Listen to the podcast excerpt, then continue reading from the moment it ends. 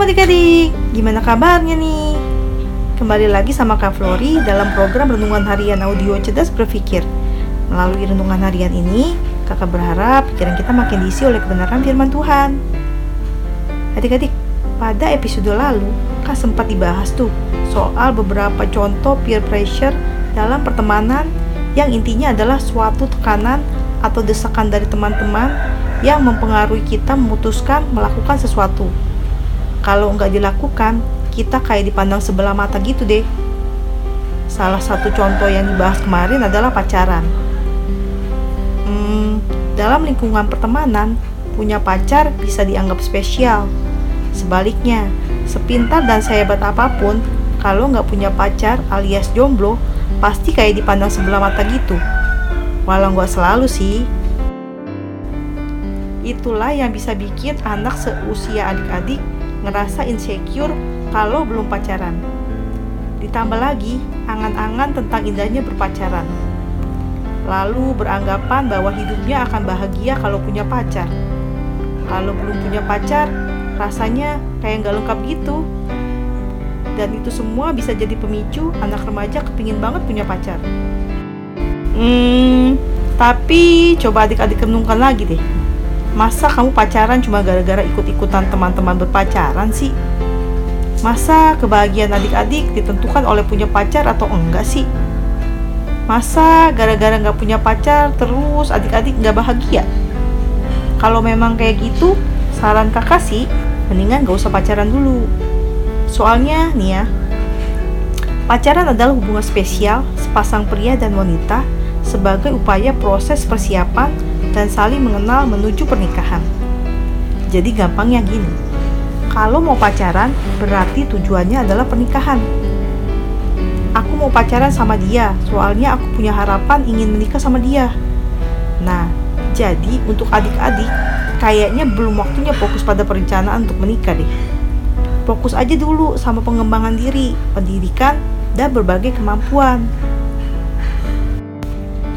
Hmm, tapi masalahnya nih ya, beberapa orang tuh menyalahartikan pacaran. Aku suka, kamu suka, kita pacaran aja. Kira-kira kayak gitu.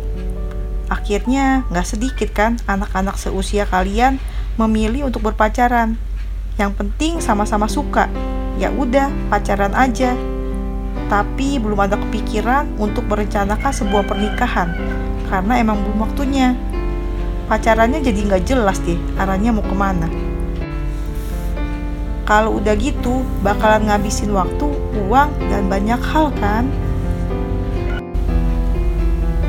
Kak, tapi aku tuh suka sama dia. Dan kayaknya dia suka sama aku. Adik-adik, nggak selalu perasaan suka pada lawan jenis itu diwujudkan dengan berpacaran. Jadikanlah perasaan suka sama dia itu sebagai pemberi semangat supaya adik-adik lebih baik. Misalnya nih ya, dia rajin banget belajar. Masa aku enggak? Nanti kalau dia nanya-nanya aku nggak bisa jawab. Malu dong. Kayak gitu misalnya. Adik-adik kakak nggak bilang kalau pacaran itu dilarang. Dan nggak boleh loh ya. Pacaran itu diperbolehkan. Asal tujuannya adalah persiapan dan pengenalan menuju pernikahan.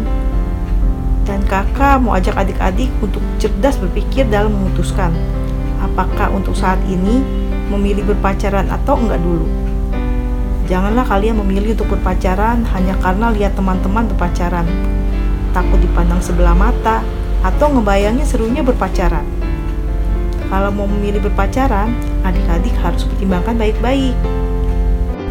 1 Korintus 10 ayat 23 bilang gini, Segala sesuatu diperbolehkan, benar, tetapi bukan segala sesuatu berguna. Segala sesuatu diperbolehkan, benar, tapi bukan segala sesuatu membangun. Intinya gini, pacaran bukan gak boleh, tapi kalau belum waktunya ngapain pacaran? Jadi, ayo kita belajar bijak dalam menentukan pilihan untuk melakukan sesuatu bukan karena adanya peer pressure ya. Yuk kita berdoa. Tuhan Yesus yang baik, terima kasih untuk renungan hari ini yang mengajarkan kami untuk bijak dalam menentukan pilihan bukan karena adanya peer pressure. Ajar kami untuk berdoa kepadamu terlebih dahulu sebelum memutuskan sesuatu, sehingga apa yang kami doakan selaras dengan apa yang Tuhan mau.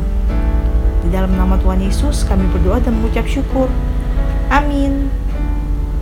Oke, tetap sehat, tetap semangat, dan tetap jadi berkat. Tuhan Yesus memberkati. Dadah.